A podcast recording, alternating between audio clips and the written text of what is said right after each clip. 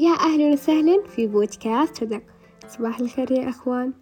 موضوعنا اليوم عن نكت الغير بناء وكيف إنه قادر يقلل من قيمتك ويكسر ثقة أشخاص من حوله ويستصغر كل مسويه بشكل أوضح إنه يذب على هالشخص ويحاول إنه يضحك اللي بجلس عليه. طب ما سألتوا هالشخص ليه يسوي كذا؟ ليه ينتقد ويذب؟ هذا اللي بنعرفه بحلقة اليوم. بس نرجع شوي ورا. النقد منه نوعين الأول نقد بناء وهالشي إيجابي. والثاني غير بناء وهالشي سلبي. موضوعنا اليوم السلبي. رحم الله أمرين أهدى إلي عيوبي. هذا اللي قاله عمر بن الخطاب رضي الله عنه. النقد أمر مستحب هالشي معروف ولا عليه خلاف لأنه يسلط الضوء على أخطائك ونقاط ضعفك وينصح إن سويت شي غلط. هذا النقد الصحيح اللي المفروض كلنا نمشي عليه. بس النقد الغير بناء وهادم الذات هو اللي يذب ويطقطق سواء من أهلك أو من أصدقائك اللي حولك بشكل أصح. وكل ما يراودك وقتها بشعور الارتباك والزعل. في ناس يوضح عليهم وفي ناس لا.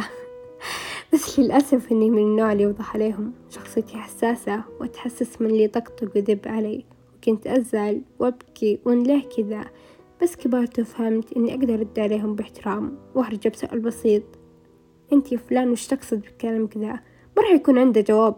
صدقوني الشخص راح ينحرج وما راح يفكر إنه يعيدها ونعادها أتكلم موهم على جنب وبأسلوب إن فهم أهلا وسهلا إن ما فهم فمان الله لا تجبرون أنفسكم عليهم مهما كان الشخص عاد إلا إذا كانوا هالك صعبة هذه. بس تجنبوا تجنبوهم عادي لا تسكتون تسمحون لهم بس تدرون إيش؟ إذا ذبيتوا عليهم وزعلوا وإن هم الصح والملائكة بس أنتوا لا.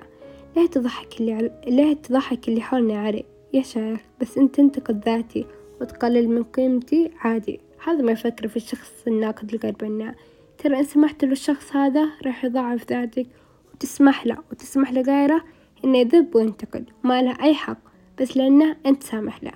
النقد الغير بناء صيغته عدوانية وهجومية ولا راح يغير شي فيك. غير إنه يكسرك ويخليك إنسان ضعيف ويقلل من قيمتك ويزعزع ثقتك على العموم يا أخوان أرجع وأقول لكم لا تسمحون للأشخاص تحطيم ذاتكم.